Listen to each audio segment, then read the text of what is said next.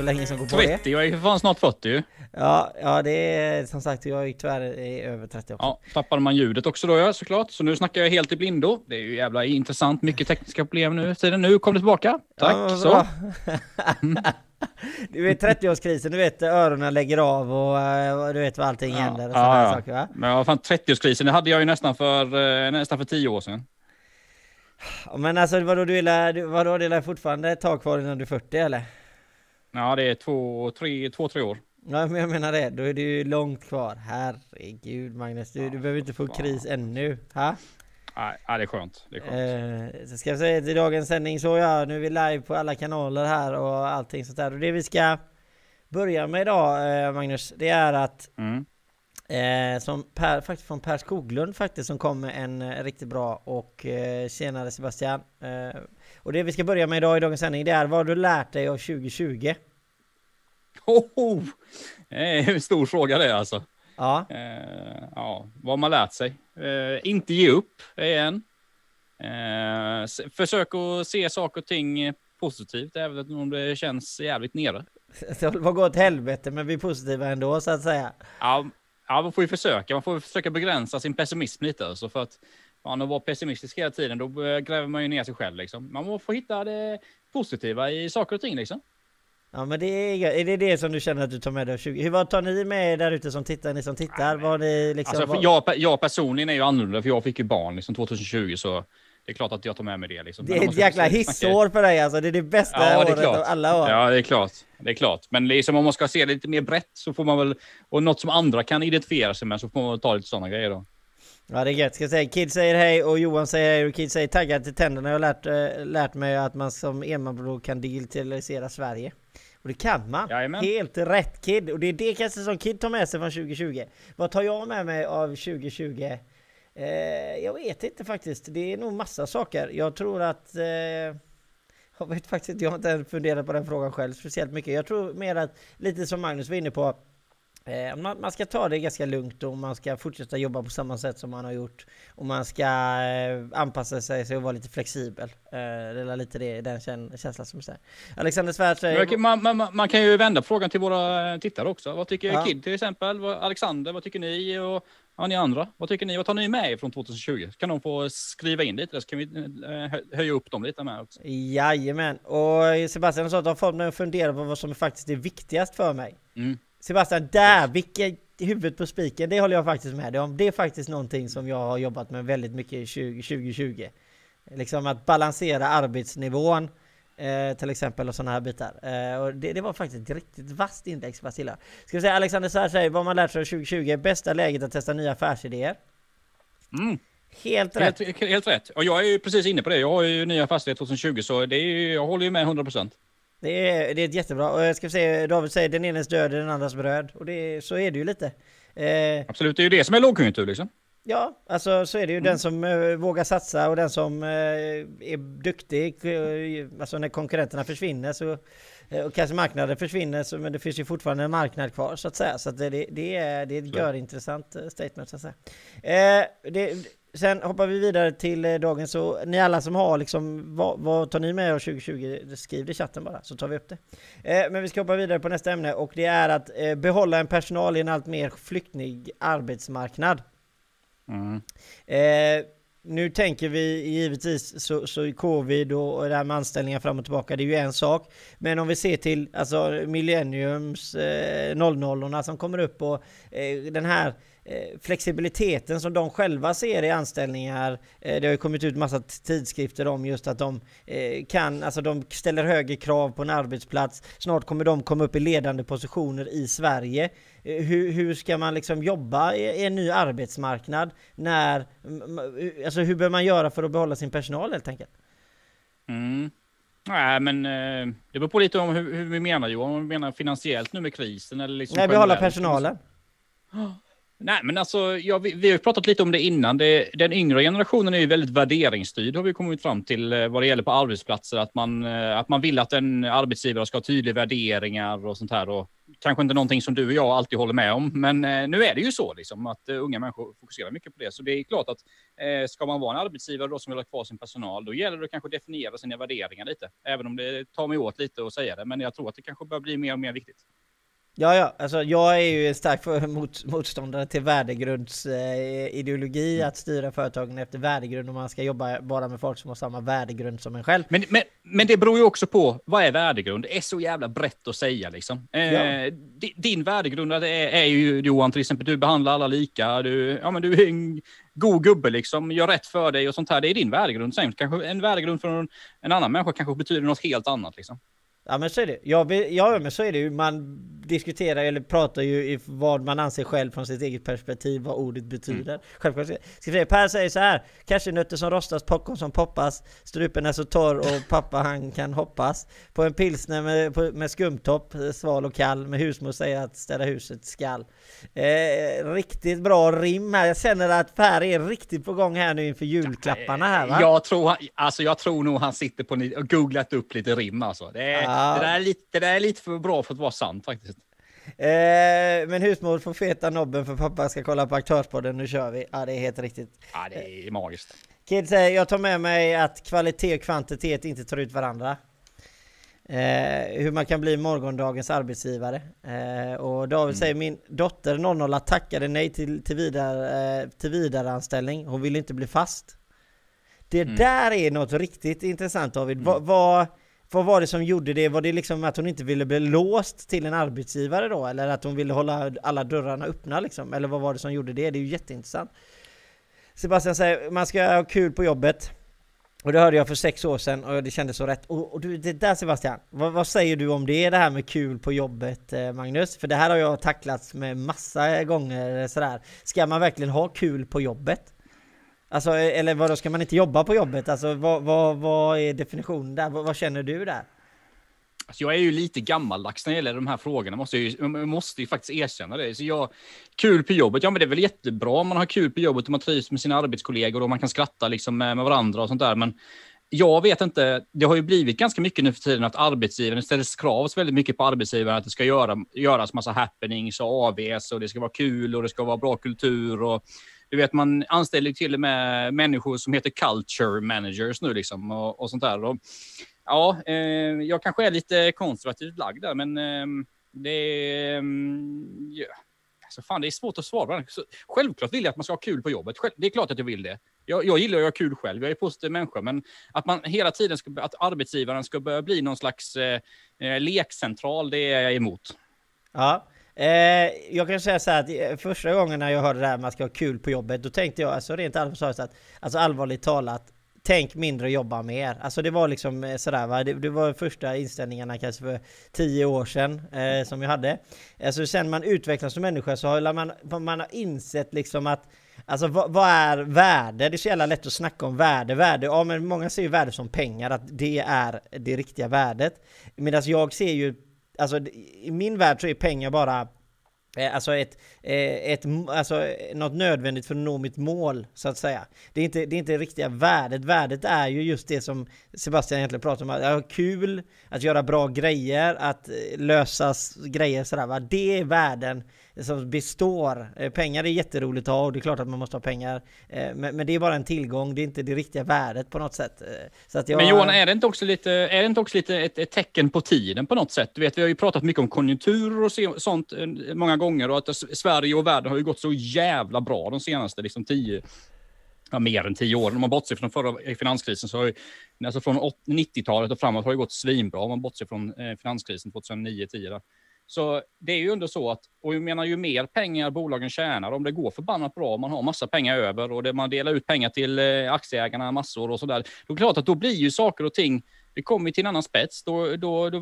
märker ju liksom anställda och medarbetare att det finns mycket pengar i bolaget. Kanske man ställer krav på olika typer av aktiviteter och sånt. Så jag tror att också det är en, eh, liksom en liten, ett resultat av att det har gått så jävla bra i samhället. Det är ju lite, lite likadant tror jag i samhället i stort. Att eh, människor i Sverige har det ju, det är klart att det finns människor i Sverige som har det dåligt också och har det tufft och sådär, men eh, generellt så har ju den svenska levnadsstandarden, eh, reallönerna har ju gått upp otroligt mycket. Alltså man, konsumtionen har ju gått upp något så otroligt mycket de senaste 20-30 åren. Så jag tror lite det är ett tecken på tiden på hur, hur konjunkturen går också. Människan har det väldigt, väldigt bra nu för tiden faktiskt. Och det är kanske sånt man börjar fundera lite på nu. Det är, man kanske inte ska ta det allt för givet. Liksom.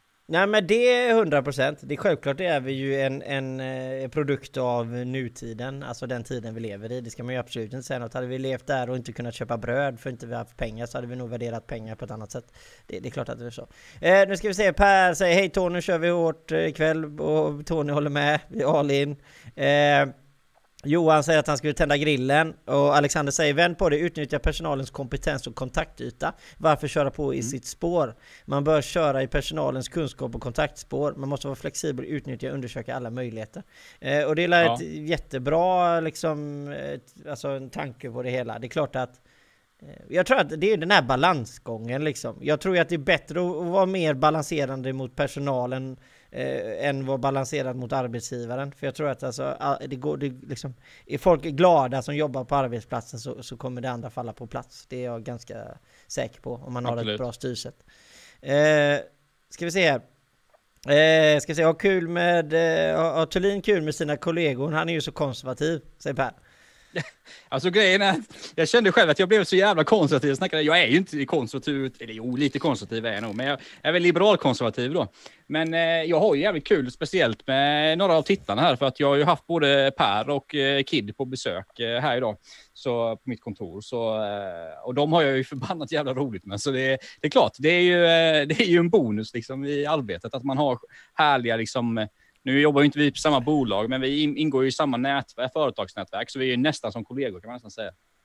Ja men det är ju trevligt. Ja men det är klart att man ska ha skoj. Man, alltså konservativa människor kan ha roligt de med. Jag lovar dig. Absolut. så. Absolut. Eh, Sebastian absolut. säger, när man jobbat x år och det känns inte som man dragit, eh, eh dragit något genom krossat glas hela vägen. Sen så att man egentligen inte jobbar utan gör något som man lika gärna kul på eh, fritiden.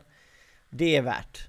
Jajamän, eh, jag håller med dig. Det är skitbra om man känner att man går till jobbet och man känner att man gör något meningsfullt och man känner att det inte oj vad är klockan? Klockan är fyra. Alltså då är ju då det jobben går långsamt. Alltså, mm. Det är ju den gången när man tittar på klockan och bara oj jävlar var försvann tiden någonstans?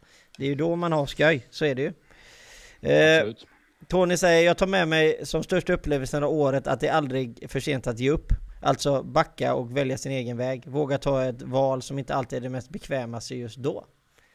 Ja. Det, absolut, det tror absolut. jag. Det är, ju ofta så, om man tror på någonting, om man brinner för någonting tillräckligt mycket, så kommer det ju gå bra. Liksom. Så är det ju. För att jag tror att människan kan ju lyckas med det mesta. Liksom. Bara man är driven och, och tror på det man gör, så kan man nästan, vad fan, jag skulle kunna sälja, börja sälja pennor på stan. Liksom. Om jag tror på det tillräckligt mycket och bygger en jävligt bra affärsmodell och affärsidé för det, så kommer jag lyckas med det. Liksom. Det beror ju på vad man brinner för helt enkelt.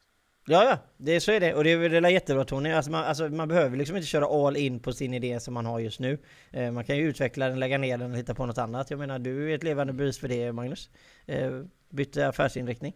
Eh, Kid säger, den dagen har jag tråkigt, går jag hem.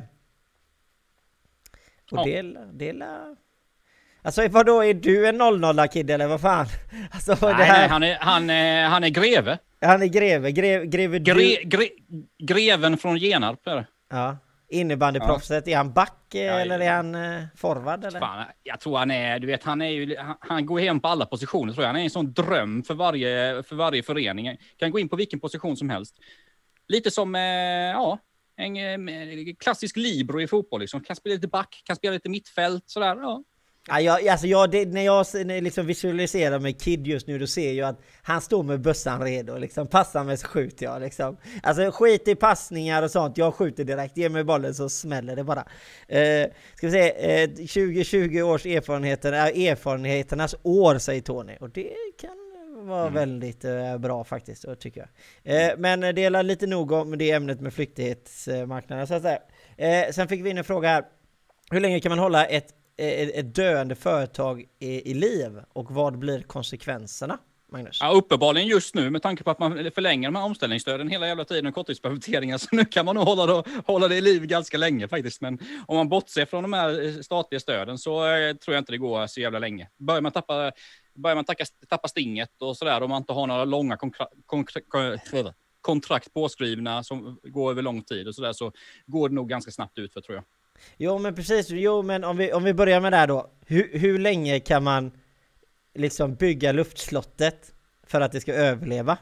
Om vi säger att vi är ett bolag som ändå omsätter x antal miljoner, vi säger 10 miljoner, det är ändå ganska hög Mm. omsättning. Så hur länge kan du liksom förtidsfakturera? Hur länge kan du eh, liksom förlänga leverantörsfakturors betalningsdatum? Hur, hur länge liksom, hur länge kan du köpa Jaha, dig tid för att gå så, innan du så. går Ja, ja. käpprätt åt eh, så va? Hur, länge, hur länge, ja, vad, vad får blir ja. konsekvenserna av att du inte ger upp när du är på väg i konkurs? Ja, alltså, om du menar på det sättet, eh, då handlar det ju om ett x antal månader. Då kan man säga. Det beror på lite när du, om du mm, redovisar skatter per månad, kvartaler per halvår till exempel. Ja, men säg att du håller några månader, fyra, fem, sex månader kanske. Nej fan, du kan ju hålla dig i livet år, lätt! Tror du det? lätt, Lätt! Oj, oj, oj, jag har varit med om konkurser som jag själv har förlorat pengar i. Där eh, det har på- pågått för länge. För att man tror på det fortfarande och man hittar Ja. vägar. Ja. Så väntar man, ja. alltså du kan ju vänta. Tänk dig så här. Tänk att du omsätter eh, 10 miljoner. Vi säger bara det. Du omsätter Mm. 10 miljoner. Ja. Och så, så kommer du in eh, och du omsätter 10 miljoner. Så kanske du har till skatten eh, 100 000 eller 130 eller 150 000. Men då säger 100 000 lite lågt säger vi bara för Mm. att. Ja. Mm. Ja, och, och så länge du betalar skatten och lönerna. Ja, ja. Ja, och hur många leverantörer kan du köpa in samma sak för? Vi säger att du har flera grejer om vi säger att du är ett tjänstebolag. Ja, nej, det är sant. Det kan du ju säkert göra. Eh, Speciellt om du jobbar i en bransch där, ja men säg att du ska köpa in något, eh, vad fan ska vi säga? Eh, säger att du jobbar med VVS till exempel och du ska köpa in eh, rör eller packningar eller någonting sånt där. Då är det klart, då har du ju väldigt många säkert eh, leverantörer att välja på. Så då kan du säkert eh, beställa hem det från en 15-20 leverantörer. Så det är sant Johan, då kan man ju bränna en efter en liksom. Ja precis, och så får du inte köpa mer där och så får du förhandla Precis. lite med dem och säga att men den fakturan kommer snart och så spelar de fu- alltså, eh, Det är ju inte det att de spelar fult, men det gör de ju. Alltså det gör Mm. de ju, men de tänker ju inte att de spelar fult, de tänker att det här kommer lösa sig. Så att... Eh, om, Men det finns nog säkert de som eh, spelar fult också. Jag menar speciellt nu med alla de här eh, korttidspermitteringarna och omställningsstöden. Det finns ju säkert en hel del skitbolag där ute, det gör det ju garanterat, som fuskar järnet nu liksom. Eh, Med oseriösa ägare och sånt som utnyttjar den här situationen till max. Så att man, man, man maxar omställningsstöd, man maxar korttidspermitteringarna och sen eh, kör man detta med leverantörerna då. Man kanske till och med samtidigt förlänger, ändrar sina skatteredovisning till per kvartal eller per halvår istället för månad. Så det är klart, Precis. du kan ju, man kan ju fan, man kan ju säkert komma undan med en jävla massa pengar och fly till Thailand liksom. Det är, alltså det är inte så att vi ger tips, men vi fick en fråga här nu liksom så att man, så att man, Skatteverket där ska inte bli arga på oss eller vi får sådär arga eh, mail och sånt. Men alltså själva grejen i, i till frågan där från Sebastian är ju att det går att alltså, göra ganska mycket för att eh, tyvärr fulspela. Alltså du kan sätta riktigt många andra i skiten medan du, alltså Mm. vare sig du vill det eller inte eller om du inte ser verkligheten eller om du fortfarande tror det eller om du vill fuska. Alltså eh, det, det är så Men det tror jag svårt. också, men eh, som tur är det så är det ju bara en lit, liten klick. Jag menar, vi har ju snackat om det innan, de flesta småföretagare är ju jävligt seriösa människor och tar ju sitt företagande väldigt personligt också för den delen. Så jag tror det är en liten klick, men de finns ju såklart. Och jag, vet, jag vet inte om det så aktuellt igår, men det var ju en, eh, en restaurangägare där i studion igår. Väldigt gripande tycker jag faktiskt att lyssna på hur de har det just nu. Och han sa ju i princip, jag menar det är ju skitsamma nu med korttidspermitteringar och omställningsstöd. Jag menar, nu när man stänger ner allting, det är, det är, ju, det är ju konkurs som gäller. Liksom. Jo precis, nu, och där säger Sebastian bro, brobrännan, ja och det är ju det som man, där, där är man ju då. Men där är, där är ju en jättestor skillnad om, om man tar det exempel du pratar om nu, där man är en restaurang. För att där, allting handlar ju om, om du har eh, alltså fakturering eller du kan göra någonting med din fakturering till exempel. Jag påbörjar ett jobb och så, betalar, så har du i kontraktet att du ska betala 50% och så lämnar du det och så börjar du på ett jobb någon annanstans. Och så ett annanstans har du dragit igång tre projekt som du absolut inte kan göra samtidigt bara för att dra in pengarna. Alltså det är ju fusk kallas ju sånt. Man, alltså. så att, men är man en restaurang däremot och eh, alltså du har ju in det i kassan du har eh, på kassan per dag. Hur mycket mat har jag sålt? Jag har sålt 20 Ja. rätter och då har du in 20 pengar, eller 20, 20 pengar Magnus. Det kanske man 20 förhoppningsvis- pengar! man kanske har in mer än 20 pengar på det, men då kanske du har in 20 gånger 100 kronor, det är 2000 spänn på dagen i dagskassa. Ja, och så har du tre personal, fyra personal och så har du hyra och så går du käpprätt. Och där, där är ju det som Magnus sa i början. Där, är, där går du ju direkt nästan, alltså du, du är ju per månad. För att du kommer inte kunna betala liksom kanske månaden efter eller månaden efter beroende på vilket kapital du har sparat. Så restaurangerna Alltså det kan bli en massdöd här väldigt, väldigt snart eh, med, med bland restauranger. Jag är ganska övertygad. Ja, om alltså att, grejen är ju så här att, jag menar, det, går, det, det, är ju så att det går inte riktigt ihop det här. För jag menar, det är ju så att, säga att en restaurang kanske klarar sig då, med tanke på omställningsstöden och korttidspermitteringar och sånt. Så jag vet, om man går ner 50 procent i omsättning, ja men då kanske man kan balansera upp det med de här stöden. Men du vet, går du ner till typ 0 eller 10 procent i omsättning, men det spelar ingen roll, för du får ju inte full täckning för, på omställningsstöden. Så jag menar, har du ingen omsättning överhuvudtaget, då kommer du inte klara dig. För att det, det, bygger, det hade byggt på att du får full ersättning på de här omställningsstöden och det får du ju inte. Liksom. Så du kommer ju fortfarande ha kostnader. Så nej, alltså om omsättningen sjunker typ 40-50 procent, det är möjligt att det går att klara sig då. Men går det ner mot en eh, 90 procent, liksom som många restauranger tyvärr eh, kan få eh, fejsa nu närmaste månaderna, då är det ju, då är det ju rökt för väldigt många. Liksom. Ja men så är det ju och det, ja, så är det ju och det är ju, inget, det är ju absolut inget snack om den saken utan så, så är det ju bara. Alltså, eh, och det, det, är ju väldigt intressant att se egentligen hur det kommer... Alltså många politiker snackar ju om att företagen ska övervintra och sånt där. Ja, men det bygger ju ändå på att man har någon slags försäljning nu under de här månaderna och under det här året. Men ligger du nere på, har du förlorat, förlorar du hela din omsättning, då, är, då, då finns det liksom ingen räddning på det sättet tror inte jag. Nej, det Men du, men du Johan, får, får, jag, får jag lyfta en grej faktiskt? Jag tänkte, jag satt ja. och fund, fan, jag funderade lite igår. Det kom ju ut nu de senaste dagarna. Du vet, korttidspermitteringar har ju, har ju förlängts till eh, nästa sommar. Omställningsstöden ska ju också förlängas nu till eh, ja, nu, slutet av året och sånt där också. Ja, det är väl jättebra de här grejerna. Men jag satt och funderade lite. Du vet, vi har, det är ju, de flesta bolag har väl ändå kalenderår på bokslut skulle jag gissa. De flesta. Jag har, Ja, jag har ju inte, jag har ju brutet, men eh, säg att eh, de flesta, säg att, säg att kanske 60-70 procent har eh, kalenderår. Mm. Och då tänker jag, då är ju snart året slut. Jag menar, jag tror, jag, Johan, jag tror att jävligt många kommer få problem med balansräkningen alltså. Nu, alltså efter, även om man klarar sig, även om man klarar sig rent eh, du, finansiellt så kanske du klarar dig, men balansräkning kommer du inte klara liksom, när du ska göra bokslutet. För menar, du kommer ju bränna aktiekapitalet. Så frågan är om det kommer, ja, fan, frågan är om det inte kommer komma någonting från, jag tänker från typ regeringen eller sådär, att man kanske gör några ändringar hur man bedömer ett, eh, ett, en balansräkning i bokslutet nu eh, eh, när det börjar bli bokslut faktiskt. Jag har funderat, funderat en hel del på det. Vad tror du om det? Eh, nej, det tror jag nog inte med tanke på att det är alltså SMP regering så tror jag inte man kommer ja. Eh, men, men alltså om, om, själva tanken i sig... Men du förstår, du förstår vad jag menar? Ja, ja. Alltså, ja. Eh, och det, för att förklara det lätt så är det ju så här att Eh, man tar bort, kanske man tar, man tar bort den spärren så att säga från eh, revisorn att de behöver inte typ eh, sätta eh, att du kommer i juridisk trubbel om balansräkningen är fel till exempel. Nej, till exempel då har du bränt mer än hälften av ditt aktiekapital så säger ju reglerna att du måste upprätta en kontrollbalansräkning till exempel. Ja, det är möjligt att det kanske man kommer ha kvar, men då, då, då måste vi skicka, jag tror det man skickar in det till Bolagsverket, gör revisorn, och då bedömer Bolagsverket om det ska gå i konkurs eller inte, eller vad det nu är. Och där, den regeln, frågan är om inte det skulle behövas en liten förändring på den regeln faktiskt eh, från regeringens håll, för att ju mer och mer jag tänker på detta, för jag menar det är ju så, även om du har dåligt eh, balansräkning så kan du ju fortfarande ha en verksamhet som rullar på något sätt. Det, det kan ju, det kan ju falla sig så, för det är ju bokföringstekniskt liksom. Jo, men, eh, jo, jo såklart är det att alltså, du, alla bolag behöver ju inte ha 100 000 inne på kontot bara för att kunna bedriva sin verksamhet. Det beror på hur stor nej. man är. Eh, och det, det, självklart så kan det vara så. Eh, sen, sen eh, Sen, sen, om vi snackar regler angående de här sakerna så har, vet ju inte jag, du och jag var ju alltså, inte överens. Eh, vi brukar oftast vara överens, men var vi inte överens med det här med eh, när man har tagit vinstutdelning.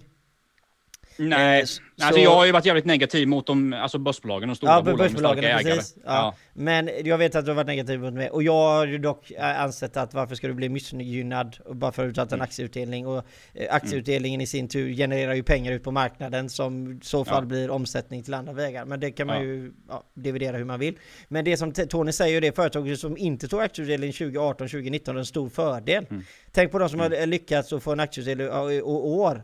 Alltså, ja, ja, ja. Alltså, och, och det, det, är ju där, det är precis det Tony pratar om, det är där alltså att du har blivit missgynnad för att du har gått bra tidigare. Ja, ja, ja absolut. För, absolut. Och du, du pratar ju om miljardbolag. Eh, ja. och, och, och, eller skitsamma, jag ska inte poängtera ut dig. Men det man pratade om var det miljardbolagen och de har en stor kassa.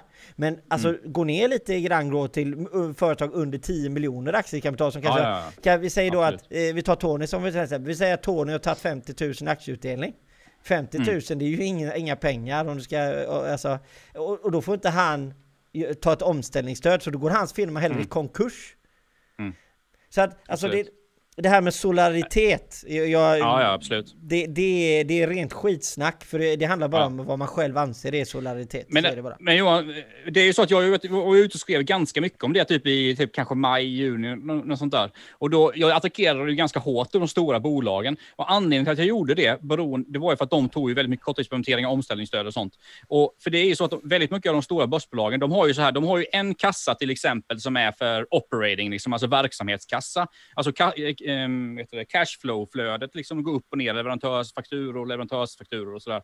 Men sen har de kanske andra konton som är investeringskonton och sen har de ägare då som kanske är svintäta, typ som Investor och sådana saker. De riktade jag in mig på jävligt mycket. Eh, och, men jag ser ju också problemen nu på småbolagen. För det, det, har ju vi snackat väldigt många gånger om det i den här podden också, att de små bolagen blir väldigt missgynnade i, i, det, här, i det här systemet.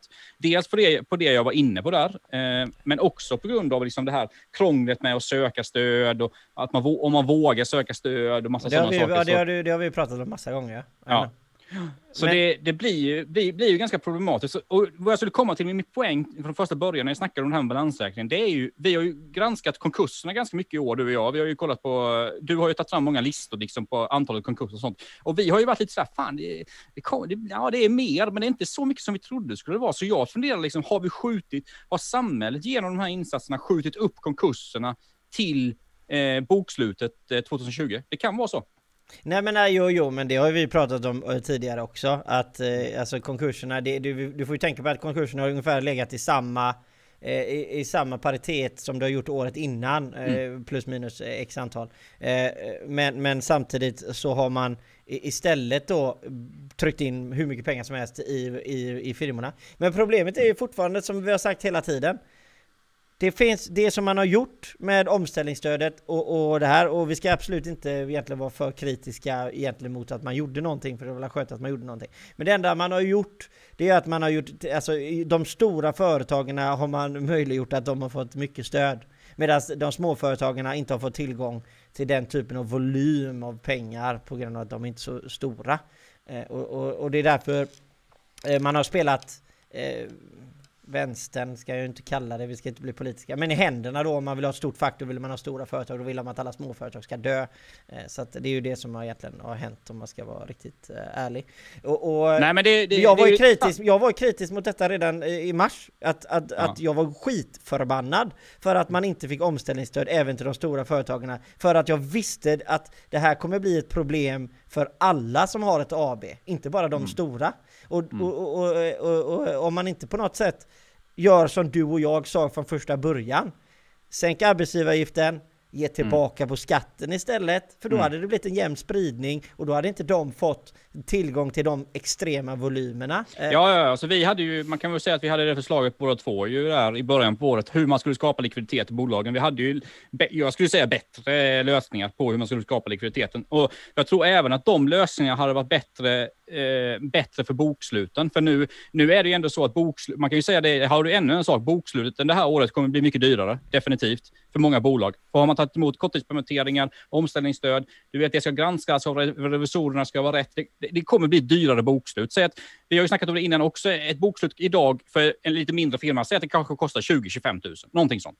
Ja, och säg då i år, med, om man har hållit på med massa stöd och sånt där, då kanske vi är upp mot en, ja, säg att vi är upp mot en 35 tusen då kanske för att det ska granskas extra verifikationer och transaktioner som har gått då från eh, Skatteverket in till, till bolagen. Och så, så ja, jag börjar, jag börjar mer och mer luta åt att vi får rätt här Johan vad det gäller om hur man skulle skapa likviditet. Alltså.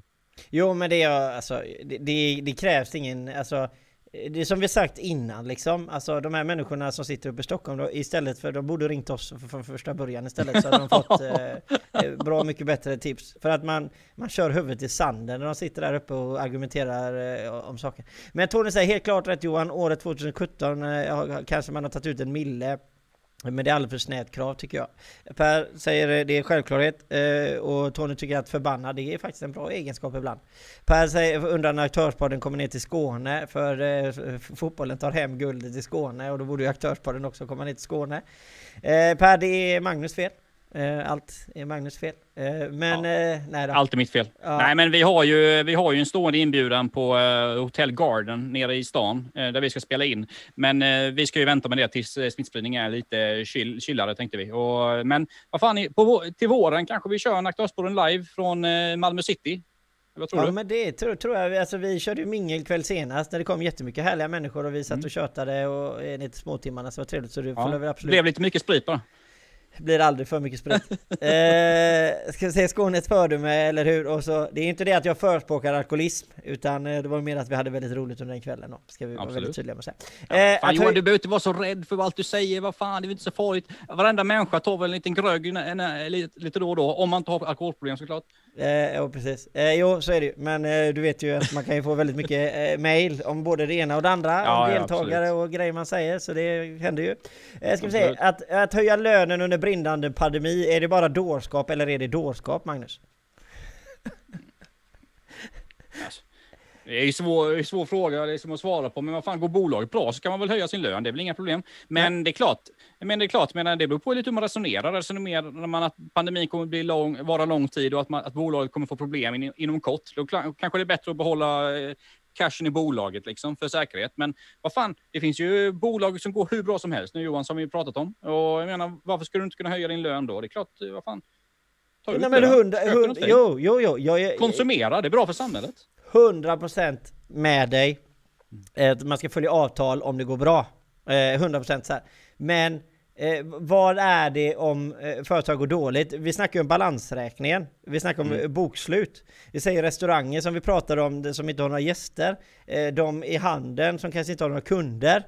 De måste höja lönerna. Eh, de är redan på väg ner, vi snackade balansräkning. Alltså det är mycket mm. av de här grejerna som håller ihop. Det är inte det bara det att man höjer lönen, utan vad, vad blir det i slutändan? Och det är det ja, nej, men det är klart. Eh, är det tufft just nu liksom eh, och du, du är rädd för att du kommer få problem med balansräkning och bokslut, då ska man ju hålla igen i lönerna kan jag ju säga. För att lönerna är ju ofta de största kostnaderna i ett bolag. Liksom. Så det är de som, ofta de som kommer ty, tynga ner. Liksom. I balansräkningen har man ju, det är ju resultaträkningen, lönen är specificerad, men den, i balansräkningen så ligger den under kassa kassa och har du ju min, in, mindre kassa, tillgångar, kassar, alltså, så, så, kom, så kommer du få en sämre balansräkning. Liksom. Så håll igen lönen om ditt bolag har lite tufft just nu, definitivt. För annars blir det problem med kontrollbalansräkning. Men det blir ju strejker annars, om man säger. De tar ju ut till strejk, facket. Det är ju det jag menar lite. Att det blir ja, lite... Ja, fan, ska, måste vi snacka om det jävla facket igen? Alltså, men alltså du vet, jo men du vet det är så mycket målarna, såg jag Byggnads har jag sett. Alltså det har varit så otroligt mycket Ja, jag vet. Det är mycket ute. nu alltså. Ja, och jag är... Alltså, jag håller med Magnus till 100%. Jag, jag tycker att går man bra Självklart, det är inget snack om saken. Men alltså går man dåligt, vad, vad, ska man... Alltså, ska man tvinga sig själv att ta, du vet, 20 000 till i månaden bara för att, alltså det... Ja. Eh, men i alla fall, hur mår byggbranschen? Hur blir förändringen 2021?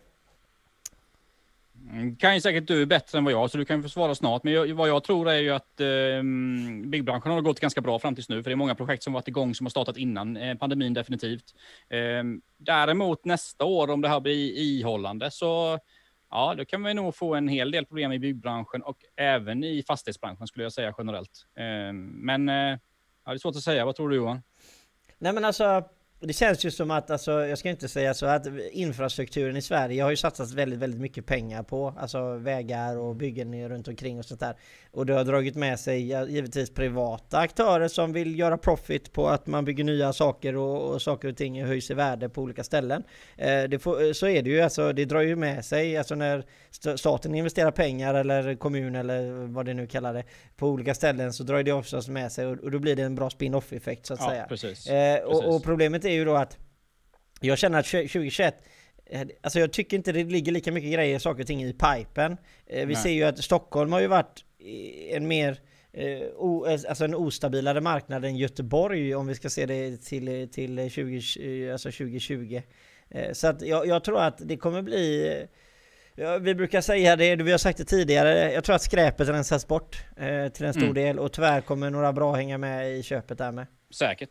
Men du, men du var ju inne på någonting där med stat. Det beror ju också väldigt mycket på vad regeringen väljer att satsa på, liksom när krisen börjar ta slut. Jag menar, det kommer ju behövas en kickstart på ekonomin när, när krisen, när man ser ljuset i tunneln så att säga. Och då är väl, det är väl inte helt otroligt att man kanske kommer göra en del Eh, projekt. Man har ju sagt från regeringens håll att man ska satsa på grön, eh, en grön omställning, liksom mycket. Och visst, då kanske det kommer byggas en ny stambana till exempel, eller eh, några andra stora jätteinfrastrukturprojekt. Och det är klart att det kommer gynna byggbranschen då, så jag tror att det är ganska, går vi in i en riktigt rejäl lågkonjunktur till exempel, så tror jag det är ganska beroende på vad, vad staten, de satsningarna man kommer göra för att få kickstart ekonomin liksom. Det tror jag med. Ska vi se, Tony säger vi ska förhandla med IF. Eh, och enligt Metall Vad sa han? IS? IF. Så, jag kanske sa IS men jag menar IF. Förlåt Tony, det, jag tror inte du förhandlar med IS. Men, eh, och, Är det IF Metaller då eller? Vad är det? Ja, take it or leave it är det som gäller. Eh, alltså gör som vi säger eller så strejkar vi och sätter dig Jaha, Metall säger det eller? Ja, precis. Ja, Eh, men han är ju, han är ju stenhård. Vad, vad heter han? Bodjonsson eller vad han heter? Han eh, eh, Metall... Nej, det är, fan, det är en tjej som är för Metall förresten. Eh, ja, men eh, jag vet att de, vissa av de facken inom kommunal är ju riktigt tuffa just nu. Alltså. Eh, ja, ska vi Kid säger att han ska sticka när han ska spela innebandy och som Magnus säger så kan han spela lite överallt men det blir powerplay jag kör på. Som Johan sa, jag bara smaskar dit den det är riktigt, Ja, ja. riktigt Men bra. du vet när man börjar bli lite äldre så då är det ju, då spelar man ju bara powerplay vet du. För det är då, då behöver man inte springa så mycket, då bara står man och matar liksom. Ja det är gött det är det. Det är bra Kid, lycka till! Eh, nej men precis, så det kommer ju vara där. Eh, börsen eh, Magnus, vad tror vi om Mm. den? Eh, den har varit eh, spikrak upp eh, med vissa dippar nu i slutet. Vad tror vi om framtiden 2021? Jag har ju sagt i säkert eh, sen pandemin startade att jag tror på en double dip liksom. Men det gör jag bara på grund av i och med att jag är ekonom och jag kollar historiskt hur det brukar se ut i, i eh, lågkonjunkturer. Och detta är ju en lite speciell lågkonjunktur. Det är inte riktigt samma mekanismer som styr denna än vad andra har varit. Men ja, alltså om man ska köra safe liksom, så tror jag det kommer komma en dipp till och sen kanske en dipp till. Så eh, jag är lite orolig för börsen definitivt. Jag är fortfarande investerare investerad i börsen så jag ska inte säga att eh, jag eh, köpte ut mig liksom.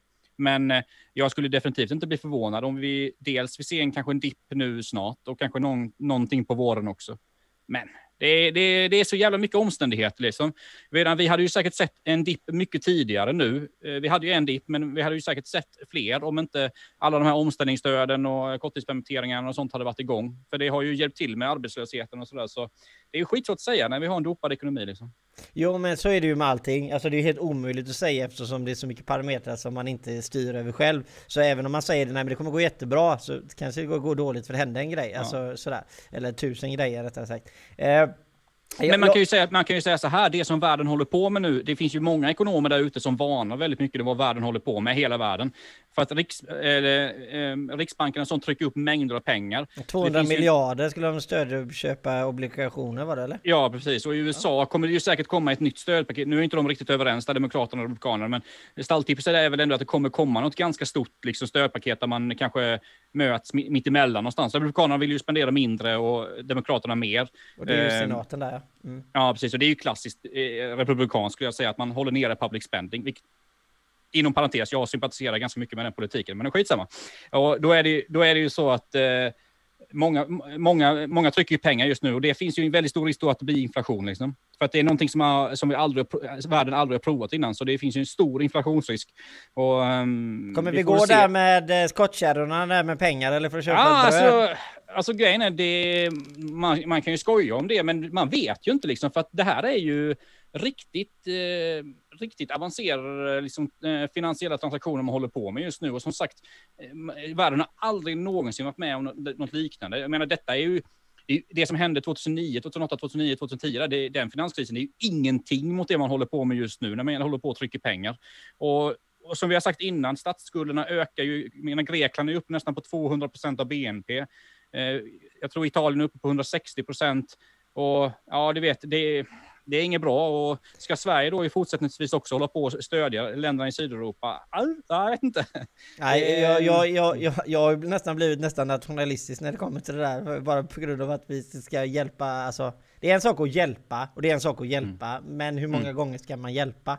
Alltså, jag, alltså, jag tycker man ska hjälpa om man ser att det finns liksom ett ljus i tunneln då. Liksom, att, ja, ja, om, om det kan gynna det. oss och liksom man kan få det på, då det är klart att då kan man hjälpa, för det gynnar ju även Sverige. Liksom. Men man ska ju liksom inte gynna för gynna, eller man ska ju inte ge för sakens skull. Så här Precis handlar så. det liksom om att koppla bort sina känslor för mycket, liksom om om vad som kan hända om det blir statsbankrutt i Grekland och sådana här saker. Det här handlar ju om på lång sikt vad som är bäst för Sverige och Europa på lång sikt. Och jag menar, jag tror ju personligen att det bästa på lång sikt är att man får en total jävla reset i många ekonomier i Sydeuropa, att man får börja om. Självklart är det för jävligt för många människor där nere, absolut. Men jag menar, de där statsskulderna, det, det där kommer ju inte hålla liksom. Jag, kommer byta valuta, det har ju hänt tidigare. Men no, ja. alltså, jag ska inte säga att jag är Eh, jag är inte världens bästa person på börsen, det ska jag absolut inte säga jag är. Men jag brukar alltid säga det när folk pratar, men vad tror man om börsen, vad tror man om börsen? Mm. Så brukar jag säga så här, snegla på saker och ting som man stödköper eh, eller lägger sina pengar på. Antingen är det börsen då, eller guld, och nu mm. då det nya fenomenet som har kommit i bitcoin. Kolla på bitcoin mm. har stuckit så in i bänken i pris. Mm. Alltså det har ju gått, alltså... Får vi passa oss lite för nu bryter vi mot eh, policyerna på Facebook och LinkedIn bara. Får inte snacka för mycket bitcoin. Nej förlåt. Nej men jag, guld då. Alltså eller mm. så här, alltså det, när, när de grejerna går upp i värde då behöver man, mm. då behöver man ta en extra koll. Så kan vi säga. Ja, ja, men absolut. Och det är klart, jag menar, nu är det ju så att det finns ju, det säkert finns, man ska inte ge någon köpråd liksom, men det är klart att det finns ju alltid möjligheter på börsen.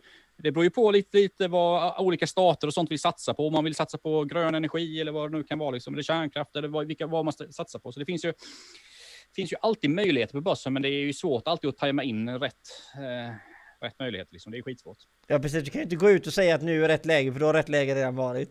Ja, men ofta är det ju precis så. Ofta är det så Johan. Alltså, när massan säger någonting, när massan säger någonting i samhället, då ska man göra fan tvärtom alltså. Så är det, så är det. Ja. Kör vänster, då kör man höger. Ja, ja, ja absolut. Eh, ska säga, Tony säger lite positiv nu. Eh, har, eh, hur många avsnitt har ni kört? Vi har kört 30 stycken. Vad tycker ni båda var det bra för er? Dela med er. Jag är imponerad och detta är en highlight för mig. Eh, Oh, om vi ska se till alla avsnitt så tycker jag att... Eh, ja men alltså vi, vi, vi, försöker hålla oss väldigt eh, folkliga tycker jag. Eh, att vi försöker låta människors frågeställningar styra program, programmet vad vi pratar om och på så sätt göra mer relevanta program. För jag känner många gånger att man själv snöar in på saker och ting, lite som jag det här sa med Stockholmsekonomerna som inte var så duktiga på vilka grejer man skulle införa på. Alltså att man ska försöka förstå vad människor där ute eh, faktiskt tänker, att vi är ett väldigt avlångt land och man har många eh, olika åsikter och på det sättet bli, alltså, bli lite mer bred i sina egna kunskaper. Det är det jag känner. Nej, men jag håller med dig Johan. Och jag menar, det är väl lite, lite det som har varit vår tanke med vår podd. Vår tanke har ju inte varit, eller podd eller livesändning eller vad vi ska kalla det. Det har ju inte varit liksom att vara stå med ett papper och läsa till precis vad vi ska snacka om. Och sånt här. Hela tanken var ju att vi skulle få väldigt mycket frågor och sådär från tittare och lyssnare. Och det, menar, det är ju det vi vill ha. För då, menar, då kan man ju snacka om saker på ja, snacka och diskutera saker på ett helt annat sätt. Det är, det är mycket roligare liksom, än att ha någon podd där man läser från ett jävla manus. Liksom. Ja men after företagssnack after work hade varit ett jobb så hade det varit kul, hade det varit kul eh, på jobbet. Hade, hade ni alltid kul på jobbet så att säga. Ja för fan, vi kanske får börja lite annonsverksamhet Johan. Dra in kulorna. Ja. Eh, så kör vi det här på heltid. Ja det ska Nej för fan. Det tror, jag tror inte vi hade haft så jävla kul om vi hade suttit hela dagarna du och jag alltså. Jag tror jag är övertygad att vi har hittat på någon jävelskap om man säger. Vi hade varit mycket värre än de här morgongängen på Mix Megapol och sånt där. Eh, Anders säger intressant och roligt att lyssna på er. Eh, tack så hemskt mycket Anders. Eh, och tack också Tony. Eh, men vi ska gå vidare. Solceller, om vi pratar just energieffektivisering. Eh, mm. Ska du kunna investera i det om du inte har en påse med pengar? Ska du investera i det om du inte har en påse med pengar? Hur ska du göra för att vara med på energi, energieffektivisering om du inte mm. har det kapitalet? Mm. Vad, vad säger du?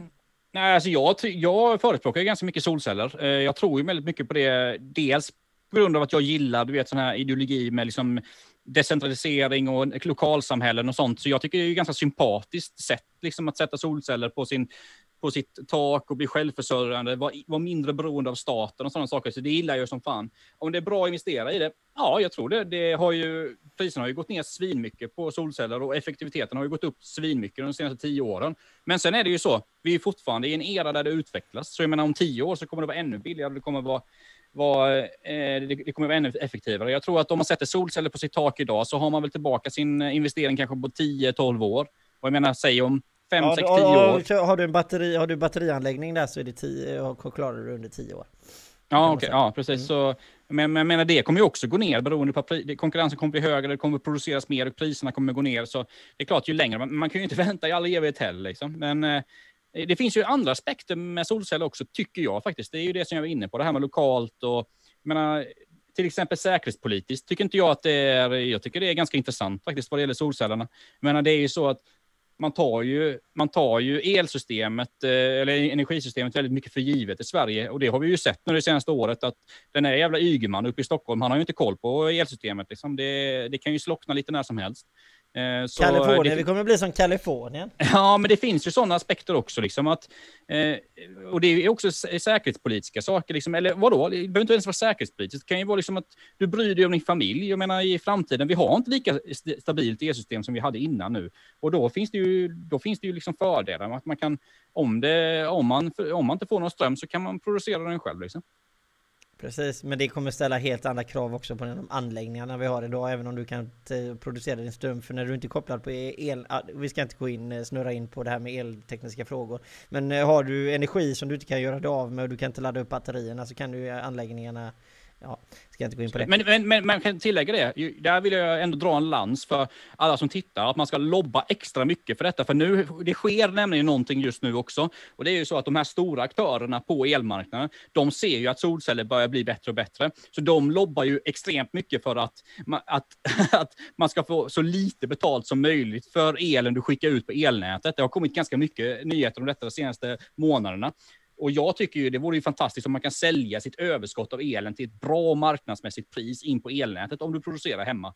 Men, men, men, det finns många aktörer här som vill dra ner den där, vill dra ner den där pengen jävligt mycket. Så eh, gillar man, eh, gillar man eh, självförsörjande och sånt så tycker jag man ska hänga med i krokarna där. Alltså. Ja, du förespråkar gigekonomi här, ja. Du vill ha att alla ska kunna göra fan, sina egna jag, transaktioner. jag, jag menar, jag vill inte bli styrd av ett jävla jättebolag. Jag menar, kan jag distribuera el på elnätet från min, min egen solanläggning så vill jag ha betalt enligt marknadsmässiga priser. Liksom. Men det där kommer aldrig hända, för direkt när vi har stora företag så kommer de sätta käpparna i hjulet för att det ska Jag vet hända. Johan, det är därför vi måste, vi måste lobba för det här småskaliga. Det är därför ni ska alltid be alla ni känner lyssna på Aktörspodden. För vi är här rebeller. Eh, ska vi se här. Per säger, vad kostar det att rekrytera en elektriker från kompetent rekryteringsföretag nu för tiden? Det kostar 12 900 eh, ex moms. Eh, ska vi se, Sebastian säger, en svår grej med solceller är att det kan vara svårt att räkna på livslängden. I Australien har många blivit tjaftade av produkter med skitkvalitet. Gillar som Magnus också att decentralisera nät. Ja, alltså det är ju som allt. Eh, alltså man vet ju inte hur bra det är förrän tillräckligt många har testat det. Eh, Men Johan, jag tycker nästan vi borde nästan ha ett specialavsnitt någon gång bara med elnät. Alltså. Det, är- för det, för det är så jävla viktigt för industrin och för företagandet i, i det här landet, liksom, speciellt på vissa platser. Så, eh, jag tycker vi kan, eh, vi kan diskutera lite Johan här någon dag, att om vi bara skulle köra ett specialavsnitt med Sveriges energisystem och vad vi behöver och vad vi behöver trycka in. Om vi behöver lite kärnkraft där och lite solkraft där och lite vindkraft där och vattenkraft och hela kittet.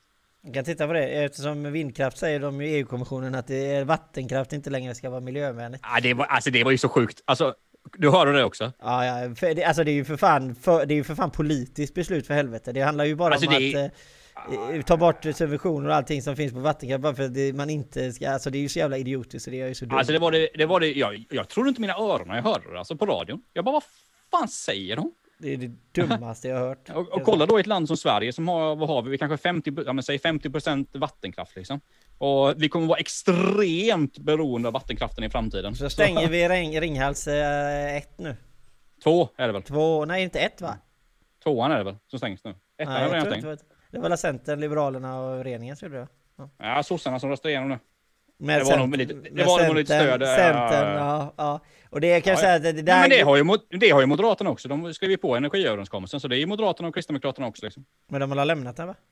Nu har de gjort det, ja. Men det beslutet fattades ju för flera år sedan. Att det skulle stängas. Ja, Man har ju hållit på att stänga Ringhals nu i två år. Liksom. Alltså jag är så emot det beslutet att jag det brinner inombords, men vi ska inte gå in på det. Mm. Eh, ska vi se, traditionell julhandel kommer komma av sig, eh, Magnus?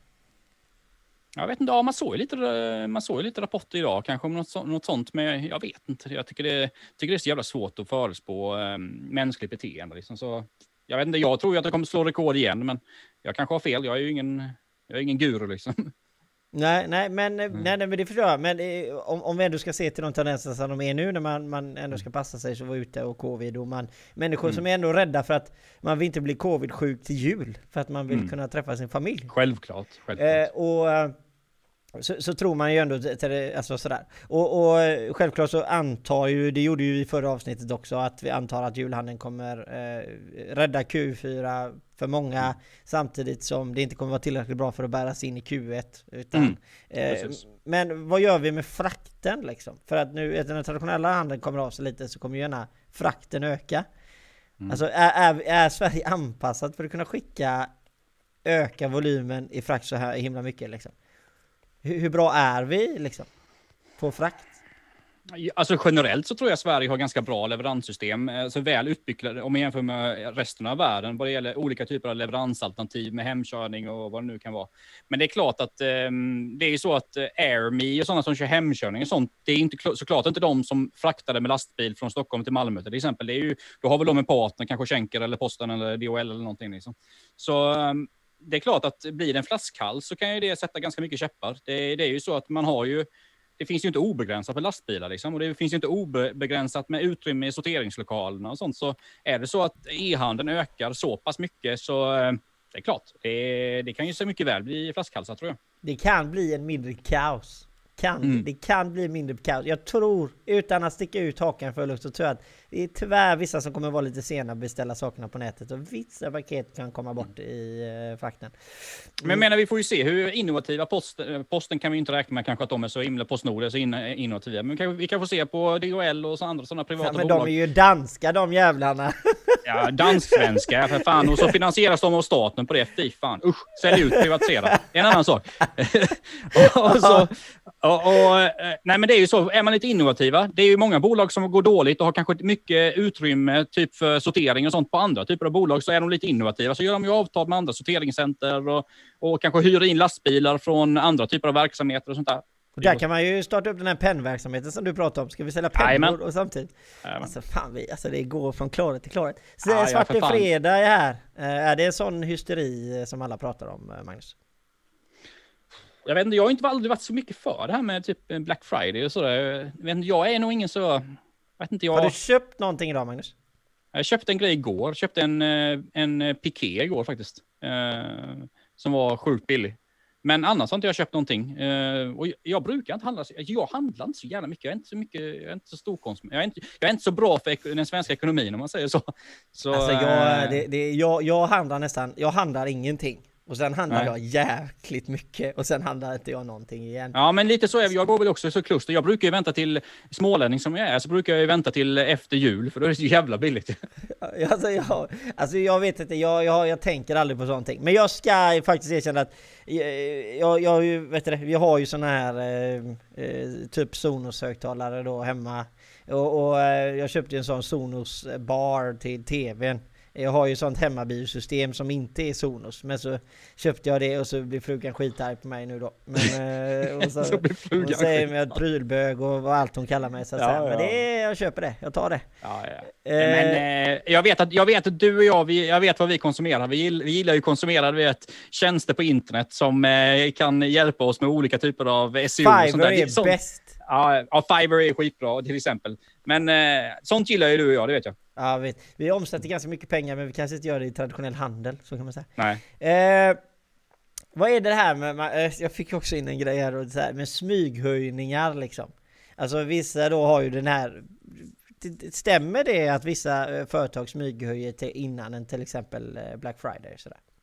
Jag tror att lite mindre aktörer gör, kanske inte de största, för de har ju ögonen på sig jävligt mycket. Typ Elgiganten och, och sådana har ju, för det har ju varit många skandaler om det förr i tiden, kommer jag ihåg, när jag tror det var Elgiganten och Siba och sånt där smyghöjde typ dagen innan. och sådär.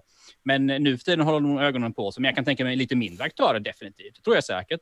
Men det är inte alla som går in och jämför på prisjakt, liksom, eh, vad det kostat innan. Typ.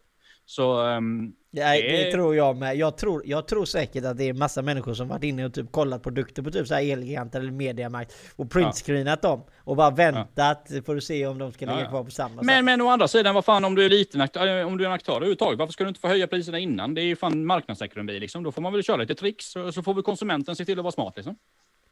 Ja, men, jag, men man får inte göra så. I, Nej, jag vet att man inte får göra så, men ja. jag, jag ifrågasätter om det, om det ska, okay, om, man, det ska vara om, olagligt. Om vi ska ha reglementer för det menar du? Ja, ja jag vet ja. inte. Det finns ju regler för allting. Kanske ibland kanske det finns lite för mycket regler. Eh, ja, men det, ja, men det finns det ju uppenbarligen, för det, man brukar ju säga att saker och ting blir lite tungrodda när det finns för mycket reglementen. Så. Men jag ska se. Eh, ska jag säga. Och så den här härliga frågan som vi har kommit till ganska många gånger Magnus, som är ganska underbar. Eh, men om man är en ensamföretagare, en egenföretagare och så har man ingenting att göra. Mm. Vad, ska man göra? Lär dig något nytt. Ja, okej. Okay. Ja, ja. Det, det, ja, men det var ju för sig ganska bra. Ja. Eh, lärde något har du ingen, om du ska investera i någonting som är gratis, absolut det bästa du kan göra just nu. Har du ingenting att göra, sätt dig framför datorn, lär dig allting om SEO, lär dig allting om Googles tjänster. Google erbjuder gratis utbildningar på det mesta av deras tjänster genom, eh, genom deras online-skola och sånt. Lär dig SEO, lär dig sådana grejer. Det kostar ingenting. Ja, det är bra tips. Jag mm. håller med Magnus. Eh, ska vi se, Tony håll kursen, är den enda rätta vägen. Håll den mina vänner, inte så regalskeppet Vasa, tack så hjärtligt. Även nu chatten, även ni i chatten har nu en härlig helg med mycket nöje. Nästa fredag kör vi igen. Så är det. Vi har eh, dock några frågor som vi måste eh, köra vidare med så vi hinner med ta med alla frågor där. Ja, jag har fem minuter kvar. Eh, per då, jag gjorde om Pers, men vi, vi drar ner den på ett lite, eller, lite kortare tidsaspekt. Så, vad har du lärt dig den senaste veckan Magnus? Oj. Ja, det måste jag tänka till. Den kommer ju på uppstuds här. Vad fan har jag lärt den senaste veckan? Ja, jag vet inte. Jag vet inte vad jag ska svara. jag, tro, jag eh. tror att Per är ute efter liksom sådär, det här målbilden, att man ska ha en målbild för att man ska bli bättre liksom, och man ska utmana sig själv och sätta tydliga målbilder och sånt. Och, och lite därav så måste man ju lära sig någonting, annars har man ingen målbild. Jag kan bara liksom sitta och känna att det var så mm. Per tänkte. Ja, säkert. Jag vet inte, det är svårt att sätta det bara specifikt på den här veckan. Jag har så jävla mycket att göra och sådär. Så, men eh, ja, jag vet inte, jag har inget bra svar på den Johan. Alltså nej, jag, jag, så, för att hålla det väldigt kort, jag har lärt mig att jag är bäst.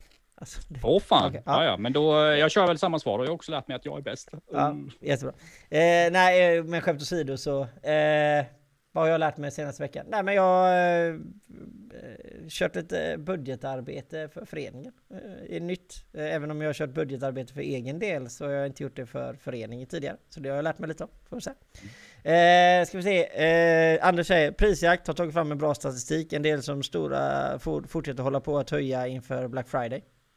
Mm. Även de stora alltså. Intressant, intressant mm. Anders. Intressant. De kanske gör det lite annorlunda under tiden, kanske smyghöjer under lång tid istället för att höja priserna dagen innan. Typ att man kanske gör det under lång tid. Det är möjligt att det är så.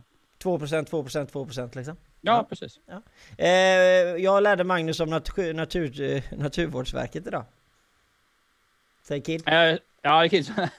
jag vet inte om han lärde mig så jävla mycket om det, men eh, Kid är ju en jävla förespråkare av det här med källsortering och så, i, i och med att han jobbar inom den branschen, avfallsbranschen och sånt där. Så Ja, men han är ute och snackar väldigt mycket om eh, Naturvårdsverket nu och nya regler och riktlinjer och hit och dit och sånt. Så det är intressant. Det är intressant. Det är per... alltid jävligt, jävligt ja. intressant att lära sig nya branscher faktiskt. Per säger att eh, Thulin har lärt sig massa om mig. Ja, alltså Per han, han slutar aldrig att förvåna faktiskt. Det måste jag hålla med om. Lomme, men, vad heter Lommebackens industrinätverk AB? Nej, nej men Industriverket i Lommebacken? Nej, nej. Industrinätverket heter det. Eh, per har ju något eget. Eh, affärsutvecklarna. Ja, affärsutvecklarna i Lomma, vet du. Lomma Beach. Eh, per bor ju då i lite finare områden här utanför Malmö, i, i Bay Area, Lomma då, Lomma oh, Beach.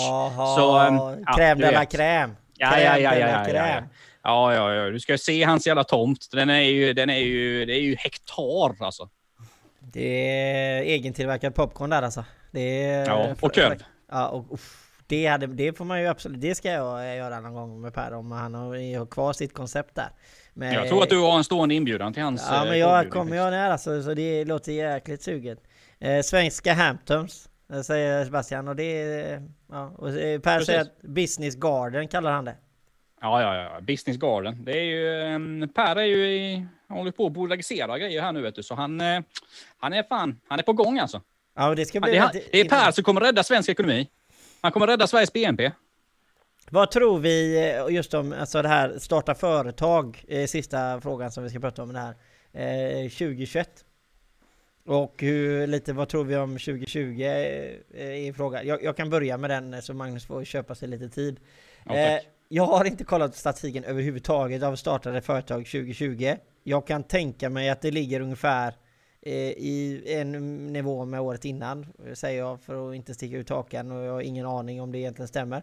Eh, det jag tror är att eh, Alltså 2021, jag tror att på något sätt så människor som det, det finns olika skaror, olika segment tror jag. Jag tror att människor som kanske är på en arbetsplats där det börjar gå lite dåligt, de människorna som är väldigt drivna där, de kommer bli jävligt trötta på det, så kommer de starta eget istället och lämna det bolaget för man tycker det är så dåligt och jag kan göra grejerna bättre själv. Så där tror jag att det kommer öka, men sen tror jag att det kommer minska, bara mer människor håller pengarna och kanske inte vågar satsa. Så att eh, jag vet inte, jag tror att det de tar ut varandra, så att jag tror att det blir en svag nedgång. Ja, det är möjligt. Men alltså, jag tror att det kommer ju alltid skapas bolag. Liksom, jag menar, det är ju så att den här krisen kommer ju ta fram eh, det bästa ur människor och man kommer se möjligheter. Det är ju väldigt mycket grejer som förändras i samhället nu. Liksom typ, ja, digitalisering mot svensk industri. Vi ser att väldigt mycket av svensk tillverkningsindustri som har haft produktionen utomlands börjar ju komma hem till exempel nu. Det kommer ju ställa högre krav på industrin och leverantörer till industrin och sånt där. Så det, det finns alltid saker. Men har man en jävligt bra affärsidé och man tror stenhårt på den, då, alltså, då kommer det gå bra. Liksom. Det är jag helt säker på. Eh, det gäller bara liksom att identifiera någonting som marknaden behöver. Ja men så är det eh, Helt klart. Och eh, ska vi se nu pratar Per och, och Kid om åka, kom till Greven så kan vi åka buss runt i byn. Nej nu, nu börjar, nu, de har nog gått på gin och tonicen nu alltså, nu får vi ta det lite lugnt här. Ja men precis, ja. det är helt underbart. Det kanske vi också borde gjort mer idag. Ha? Ja, men, jag, ska, jag ska ta en GT nu, när jag är på jobbet fortfarande, men när jag kommit hem då ska jag ta en GT tänkte jag. Ja, det är gött. Eh, som sagt, det var ju våran 30-årskris där Magnus.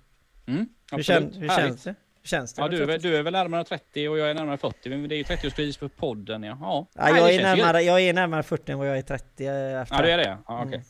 Nej, men vad fan. Eh, vi snackade ju från början, vi gjorde det här lite som test i början. Ja, men vi kör något avsnitt eller två, liksom, eller tre kanske. Eh, jag kommer ihåg vi planerade något sånt och ja, nu är det 30 avsnitt och jag tror ju knappast att vi kommer sluta liksom. Så eh, det kommer säkert bli 30 till och det är ju fantastiskt. Ja, ja. Men det, men det bygger ju på, det bygger, alltså allting bygger ju på de som tittar och de som lyssnar. Liksom. Men hade, hade, vi inte, hade vi inte haft några tittare och lyssnare, eh, och i och för sig samma sak, hade vi bara haft tittare och inte folk som ställer frågor, ska jag vara helt ärlig, jag tycker det hade varit rätt tråkigt då. För det, det roliga är ju kommunikationen man har med de som tittar och sånt, det är ju det som är skoj. Ja men så är det ju. Det är ju självklart det är det 100% så. För att vara lite populistisk så att säga. Det är klart att om, om, om inte vi, folk hade tyckt att vi var intressanta att lyssna på eller varit eh, skittråkigt program. Så hade det ju inte varit så roligt att sitta och prata eh, och, och, och, sådär va. Så att eh, det, så är det bara. Eh, men som sagt, eh, nog om 30-årskrisen. Eh, så nästa avsnitt är ju 31. Då är det ju inget speciellt längre Magnus. Jajamän. Eh, då, då siktar vi mot 40. 40-årskris snart. Ja, och till er alla där ute, Johan hälsar trevlig helg eh, och vi hälsar ju såklart, eh, jag hälsar otroligt trevlig helg till er alla som är hängt med oss eh, den här timmen. Och jag hoppas att ni får en fantastiskt trevlig helg och hoppas att ni hittar någon bra deal i Black Friday om ni håller på med det. Och jag heter Johan Mod Johan Mårtsson och nu har jag lyssnat på Aktörspodden och min underbara som sitter dit av mig så att säga, vad heter han? Magnus Dahlin. Du sitter, det är fel håll Magnus. Nej, för mig är det rätt håll. Ja, men du sitter... Okej, okay. ja, okay. ja, så gör vi det. Ja. Mm. Okej, okay, ja, ja. Det, är, det är som när Magnus ska dansa, det är liksom... Eller vad säger du Tony? Du såg ju när han dansade, det var jävla liksom... Ja, jag kör ju Trumps dance. Hur går Trumps dance? Ja, exakt. Ja, det är grymt. Ja, nu är det underbar helg allihopa. Ha det fint. Bra. Hej. Hej.